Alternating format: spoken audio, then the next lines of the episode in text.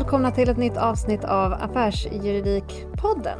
Eh, och med oss här från Sirio idag så är det jag, Astrid Welton, och min kollega Daniel Lander. Hej hej! Vi jobbar båda i processgruppen på Sirio. Man har ju en bild av Sverige som ett digitalt framstående land. Eller hur Daniel? Absolut. Men då är ju den stora frågan som vi alla ställer oss är var finns rättsväsendet på den här digitaliseringsskalan? Hur digitalt är det egentligen i svenska domstolar? Till vår hjälp att besvara den här frågan har vi med oss vår gäst Andrea Lindblom som är administrativ chef på Helsingborgs tingsrätt. Hej Andrea!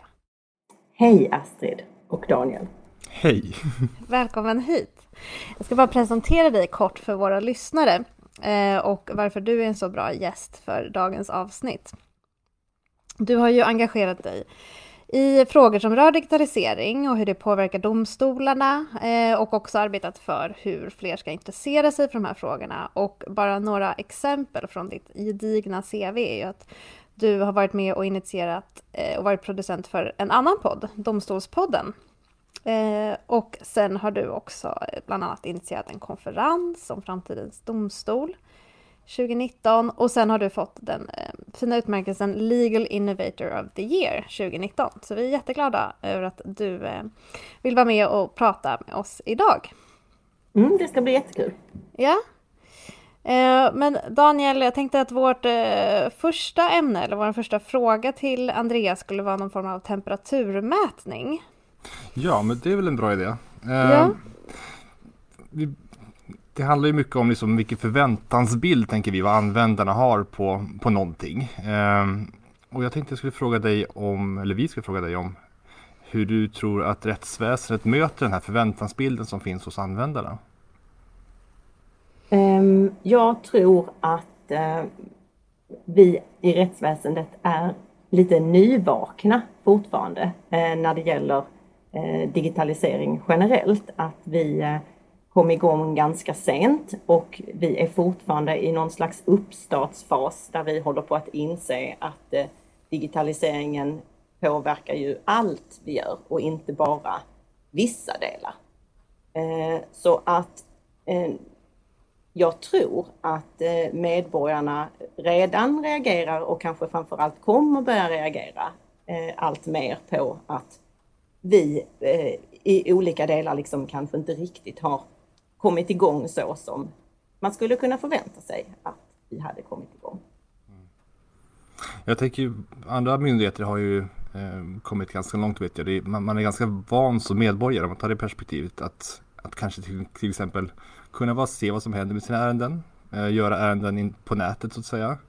Ehm, och vi vet ju också att det händer ju saker i domstolarna eh, på den fronten. Eh, men har, har du fått någon feedback?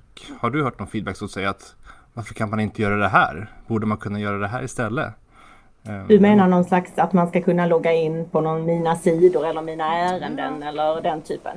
Eh, det, det är ju någonting som eh, tror jag är för många av oss som jobbar i rättsväsendet, det är liksom en uppenbar fråga och den är ingen, det är inte heller någon särskilt ny fråga. Eh, det är inte igår man tänkte att eh, åh vad bra det hade kunnat vara att logga in i sitt ärende.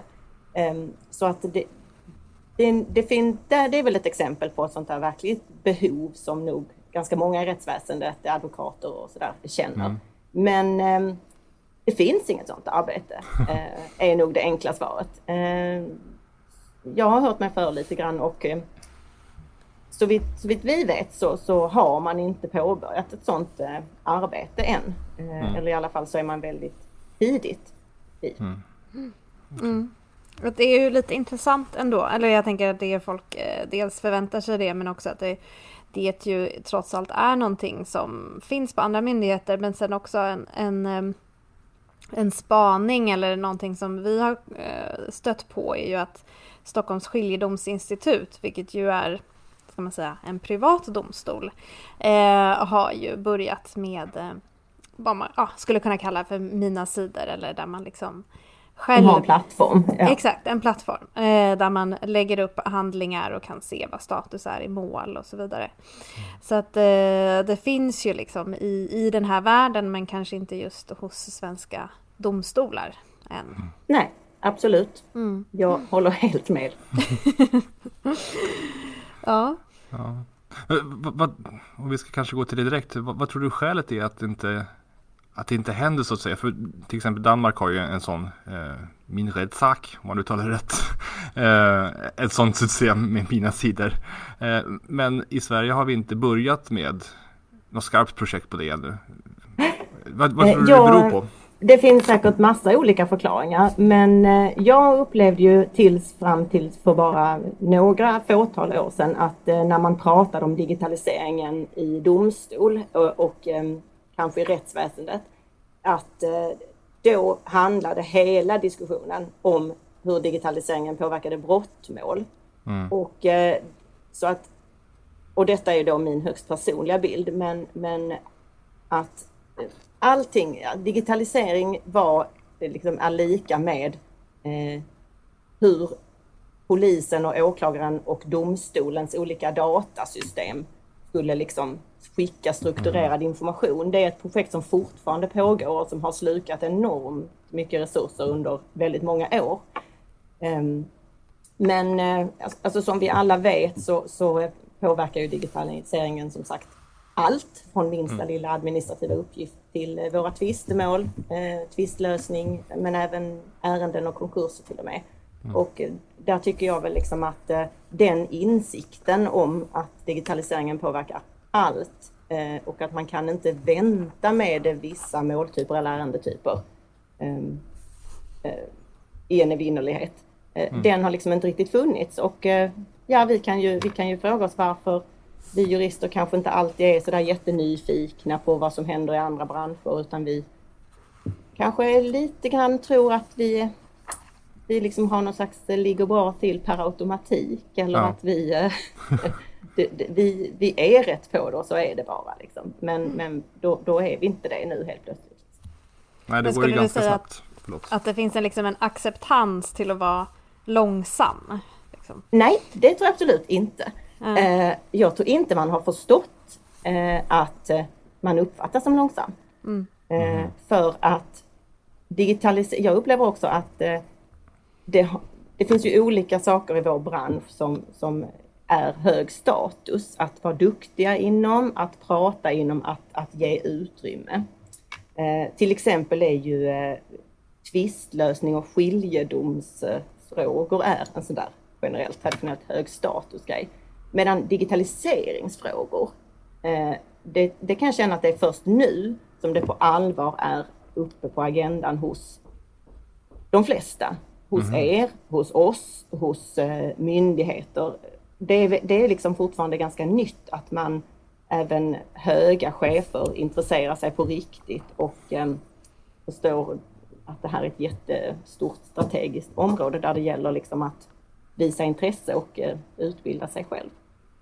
Är det någonting som har hänt nu som en coronaeffekt eller skulle du säga att det kom tidigare än så? Ja, jag tror nog att det kom tidigare. Jag upplevde liksom att kanske under 2019 att eh, det blev allt fler och jag tyckte också jag såg på många myndigheter, andra myndigheter som det pratades mer om behovet av innovation och man kanske började bli lite självkritisk och inse att sådär fruktansvärt bra är vi kanske faktiskt inte. Och eh, just det, de har ju någonting i Danmark som vi inte riktigt har. Ehm, men vi vill, ju, vi vill ju gärna säga att vi är så bra. Ehm, och ehm, med den inställningen, jag tror att det är bra att, att ha en, en, lite mer ödmjuk inställning och kanske säga att eh, det här är en jättestor utmaning för oss alla och vi har inte rätta svar men vi jobbar med det och det och det. Men eh, det har varit ganska mycket klappa sig själv på axeln generellt. Eh, och jag tycker kanske att vi jurister generellt är ganska självgoda. Absolut. kan man hålla med om. Men, men ja. man ska väl säga också att det händer ju saker. Det har ju hänt ganska mycket också. Eh, jag tänker på liksom videosammanträden har ju blivit kutym nu under liksom coronaperioden. Um, mm. Och jag undrar, liksom, det måste ju ändå ha tidigare upplevde jag ett visst motstånd mot videosammanträden. Eh, mm. Nu vet jag att man kör huvudförhandlingar till exempel på videosammanträden. Eh, så det är som, det Men domaren omstöp... sitter fortfarande i rättssalen? Ja, jo. Mm. Inte i vardagsrummet, nej. Mm. Eller vid skrivbordet. Nej Eller men visst, det har, ju hänt, det har ju hänt otroligt mycket, eller otroligt mycket. Det har hänt betydligt mer i år. Eh, det har varit en mycket snabbare utvecklingstakt i år än det har varit under de senaste åren och det är ju jag jätteglad för. Mm. För det har funnits förändringar som jag har eh, och vi här har försökt driva på länge för att få. Eh, bland annat naturligtvis det självklara utökade möjligheter för olika typer av videomöten och sådär. Liksom. Mm. Där, där det har kunnat liksom hända saker i år. Där jag tror att hade inte den här pandemin kommit så hade det nog tagit längre tid. Det var så häftigt för att jag, tror det var väl i våras eller i somras som ni fick det nya systemet där man kunde ha videosammanträde från datorn och inte behövde vara på plats i en, i domstol så att Web säga. WebRTC. Ja, just det. Jag antar att det bara liksom råkade sig komma samtidigt som Corona satte alla... Nej, alltså det, Nej. det var också lite roligt för att där ehm, så var det en digital lösning som vi hade. Vi hade pilottestat den här i Helsingborg. Eh, och det var, jag tror eventuellt det var någon annan domstol också som hade pilotat den och vi hade haft den ganska länge under ett år. Men det var ingen, ingen lösning som fanns tillgänglig för alla domstolar utan eh, vi höll på att testa den och det var inte bara eh, så att alla älskade den här lösningen utan det var rätt så mycket barnsjukdomar och sådär som det alltid är och kanske måste få vara eh, när man börjar testa någonting nytt. Men eh, när den här pandemin kom och eh, det, många domstolar stod inför det här faktumet att man kanske inte ville ha hit folk eh, som var lite äldre eller som var lite snuviga eller något sånt där. Då liksom seglade ju den här eh, tekniska lösningen upp som helt plötsligt väldigt, väldigt attraktiv för mm. många fler. Och då fick jag bland annat många frågor på Twitter från advokater eller åklagare och även domare på andra domstolar som undrade vi har, vi har hört att ni har något där nere i Helsingborg. Vad är det ni har för något? Dela med er. Precis. Eldorado där nere i Helsingborg. Ja. Eh, och det var ju kul. Så då tror jag att um, den lösningen kunde använd börja användas ganska snabbt av många fler. Mm, just det. Men för det är ju, eh, nu är ju vi alla tre liksom i, så att säga, insyltade i, i den här världen som berör rättsväsendet och sånt där. Men jag, men jag tror att om man är inte är del av den världen och bara ser det utifrån så tror jag att det är vissa saker som man liksom tar för givet någonstans som man inte ens tänker så här, det här skulle kunna vara en issue. Och det är ju såklart att liksom vara med, vara med på video, liksom, det är väl bara att koppla upp sig, kanske man tänker. Men, men det finns ju diverse krav och sånt bakom. Och sen så en annan liksom intressant sak som jag, man kanske inte tänker på, eller intressant kanske inte är, men någonting man, man kanske inte tänker på, det är ju de här olika liksom, kraven som finns i lag på hur saker och ting ska gå till. Eh, som ju kanske också gör att systemet viss mån blir lite trögare eh, eftersom att, även om det kanske finns någon form av vilja någonstans ifrån om att göra det mer digitalt, så måste man ändå förhålla sig det, till det som står i lagen om hur en rättegång ska gå till, men kanske också vissa så formkrav när man ger in handlingar och så vidare. Ehm, och där eh, sker det ju lite, men det sker ju lite långsamt också för att eh, man får väl anta att det liksom inte är en superprioriterad fråga för lagstiftaren kring liksom formella formkrav på eh, Nej, du vinner, liksom, vinner inga val på det. Nej, exakt. exakt. Du hade vunnit min röst, men, men det räcker inte. Precis. En valfråga. Nej men så det är också lite intressant de här liksom formkraven som gör att, att det får eh, bli lite konstigt helt enkelt i, i dagens liksom, samhälle. Att man måste ge in eh, saker undertecknat i original. Liksom, för att det nu skulle vara så himla säkert liksom, och inte kan mm. använda sig av, av bank-id eh, i stämningsansökningar och fullmakter till exempel. Mm. Men där kommer vi till en lösning, eller hur? Ja, precis. Ja, det är det positiva. Efter årsskiftet kommer allt vara löst. Då är allting klart. Vad är det som händer då efter årsskiftet? Ja, men det jo. finns ju ett lagförslag. Eller det kanske du vill prata om, Andrea? Kanske är mer eh, ja, jag har lite dålig koll på exakt när, men som jag förstått det så är det väl eh, en lagändring från januari mm. eh, 2021. Och eh, då jobbar man nu då febrilt på Domstolsverket med att ta fram en lösning för att kunna eh, helt enkelt ta emot eh, digitalt signerade ansökningar om alltså stämningsansökningar i både tvistemål men även i domstolsärenden då, adoption och ja, god man enligt samäganderättslagen och den där, där är ju hur många olika ärendetyper som helst. Eh, så nya ansökningar, men även att man ska kunna använda den tjänsten för att eh, skicka in handlingar i redan pågående mål. Mm. Så det, det håller man på. Va? Eh, fullmakter, precis, fullmakter ska kunna skickas in då samtidigt som man skickar in sin stämningsansökan till exempel. Ja men så det, det är kul att det är på gång. Absolut och eh, det, det, är ju alltså apropå det här med mina sidor så är ju eh, som har liksom varit förväntat och många har tyckt att det borde finnas länge så är ju det här också en sån där sak som, precis som du var inne på Astrid att det, det, det, det är kanske inte så innovativt utan det är mer liksom i grevens tid mm. så att säga att, att mm. vi eh, kan erbjuda det här. Mm. Fonden man spelar mot man komma ihåg, det är ju en rättegångsbalk från 1943. Det var en helt annat samhälle vi hade då. Eh, och jag minns bara när jag började jobba, nu låter jag jättegammal, men då skickar man in stämningsansökningar i två exemplar för att man ska kunna skicka en till motparten. Så att säga. Så det har hänt ganska mycket. Ehm, och alla inlagor skickades in i två exemplar och så vidare. Ehm, så jag tycker ändå att det har hänt mycket. Men, men lagen har ju sett ut likadan ut. Så det här är snarare anpassningar som, som domstolarna och Domstolsverket har valt att göra. Ehm, som jag förstår det i alla fall. Ja, nej, det beror, liksom, det beror ju helt på vad man ser, om man tycker att det går snabbt eller om man tycker att det går långsamt. Men eh, jag tror bara att man ska vara väldigt eh, ödmjuk inför det faktum att eh, det här är liksom eh, förändringen går otroligt snabbt och eh, man kan inte fortsätta som förut utan alla behöver på något sätt bli 2,0 av sig själva nu och eh, hitta så kompetensutveckla sig själv hela tiden och vara jättenyfiken på vad som händer i omvärlden. Eh, för att se till att man verkligen är med i matchen och inte bara säger att man är med i matchen. Eh. En sak till som man, man ska fundera såklart på när man, man pratar om domstolar och, och, lag och rätt och så vidare är ju rättssäkerheten som alltid ska finnas med, i, inte i bakhuvudet utan som ja, huvudperson helt enkelt. Um, och, jag vet att om man tar digitala sammanträden så har det ju varit en diskussion eller åtminstone jag tycker så att jag skulle nog inte vilja ha en huvudförhandling i ett digitalt sammanträde eh, med vittnesförhör och sånt där. Gäller det alla typer av huvudförhandlingar eller tänker du på en viss typ av huvudförhandling?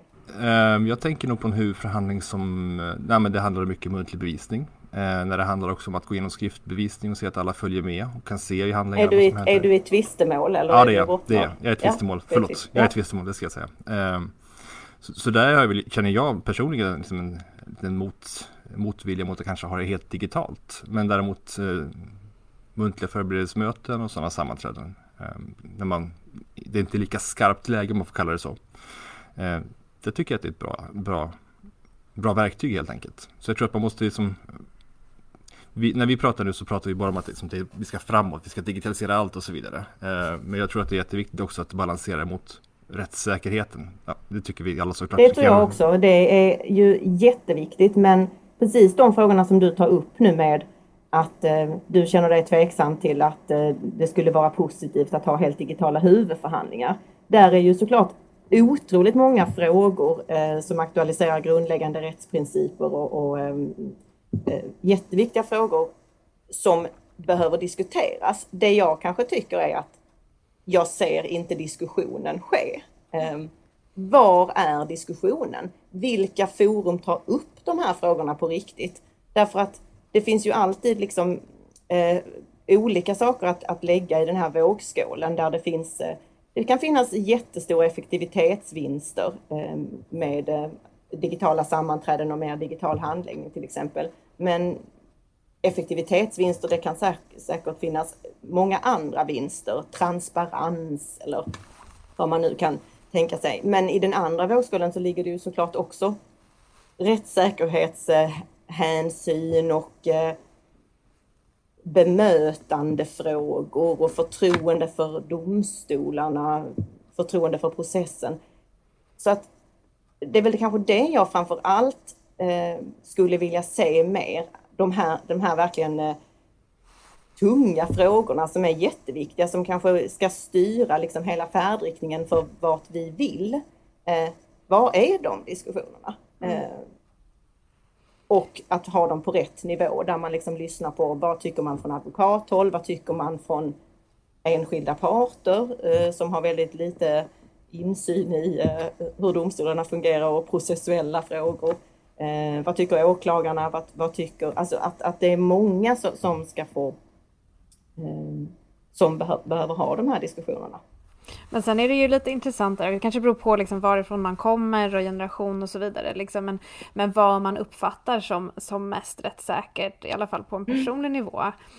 Jag, menar, jag kan ju inte se egentligen varför det skulle vara bättre.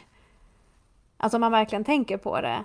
Varför skulle det vara mer rättssäkert om alla sitter i samma rum än om alla är uppkopplade? Alltså du skulle, man kanske kan till och med ha rättssäkerhetsvinster genom att ha saker och ting digitalt. Att det är, att det är lättare att, för allmänheten att, att, att, att ta del av det till exempel. Ehm, att man... Men då har vi ju det här förbudet mot filmning eh, i rättegångssalar mm. till exempel. Mm. Eh, och den tycker, det tycker jag också är en sån där fråga som eh, det är ju en princip och det är ett förbud ehm, mot, mot att filma. Men, men i USA till exempel, där väldigt många domstolar nu under våren eh, övergick helt till att bara ha digitala eh, rättegångar på Zoom. Då har de ju valt lite olika lösningar för att säkra insynen och transparensen i det. Men många domstolar där har ju valt att eh, helt enkelt, eh, vad heter det, liksom livesända sina rättegångar på Youtube. Eh, och så att under tiden som rättegången pågår så kan man följa den på Youtube. Och den ligger bara där när rättegången pågår. Mm. Och det, vissa har då också, för att man inte ska spela in det, har de lagt en sån här liksom, eh, vattenstämpel över skärmen där det står Do not record. Um, det tycker jag är, det är en lösning och, och eh, vi klappar ju oss då ofta själva på ryggen för att eh, vem som helst kan gå och titta på en rättegång i Sverige och det är så transparent och, och bra. Eh, och det är förbjudet att filma. Men, men jag är inte säker, precis som du var inne på Astrid, att jag är inte så säker på att gemene man uppfattar det som så transparent alltid att du kan gå med din kropp till domstolsbyggnaden och gå in och titta. Eh, och att det är bara den möjligheten som erbjuds när, när det ju alla vet ju att det skulle rent tekniskt vara möjligt att kasta en rättegång till Youtube eller sätta in en webcam och så. Men det är väl bara att titta i rättegångssalarna. Hur ofta har man besökare utifrån, från allmänheten så att säga, i en mm. rättegång? Det händer ju i princip mm. aldrig. Eh, Nej, det är bara i uppmärksamade mål. Ja, och där å andra sidan så är, får folk inte plats. Ja. alltså, Nej. Eh, I vissa av de här uppmärksammade brottmålen, att det har mm alla inte och då har vi sidosalar mm. som vi kan erbjuda men, mm. men, men vi erbjuder inte att man kan titta hemifrån. Mm. Mm. Men, men man ska återkomma till det, nu känner jag mig som en gammal stofil, men jag tror att skälet till att jag nog är sugen på eh, en fysisk huvudförhandling är ju mycket med vittnesförhöret. För det är ju oftast en, det är ju en interaktion med vittnet helt enkelt. Eh, mm. Särskilt i korsförhöret. Eh, och det tror jag fortfarande att man gör bäst live så att säga, IRL. Um, ehm, och jag tror även att en lyssnare, den tänkta mottagaren, det vill säga rätten, har lättare att tillgodogöra sig någonting sånt live. Man ser mer nyanser, eh, man ser kroppsspråk på ett annat sätt. Um, ja, det blir mer action så att säga. Mm. Men det kanske är någonting jag får lära mig helt enkelt. Eller hur Astrid? ja, kanske. Nej, men jag, min poäng är bara liksom att vi har ju eh, alla liksom vår bild om vad som känns mest säkert och så vidare. Och, och, och, men som Andrea du var inne på, att det kan ju vara en poäng i att, i att eh, diskutera de frågorna och problematisera. Liksom. Om man nu har stora andra typer av rättssäkerhetsvinster med att göra saker och ting digitalt.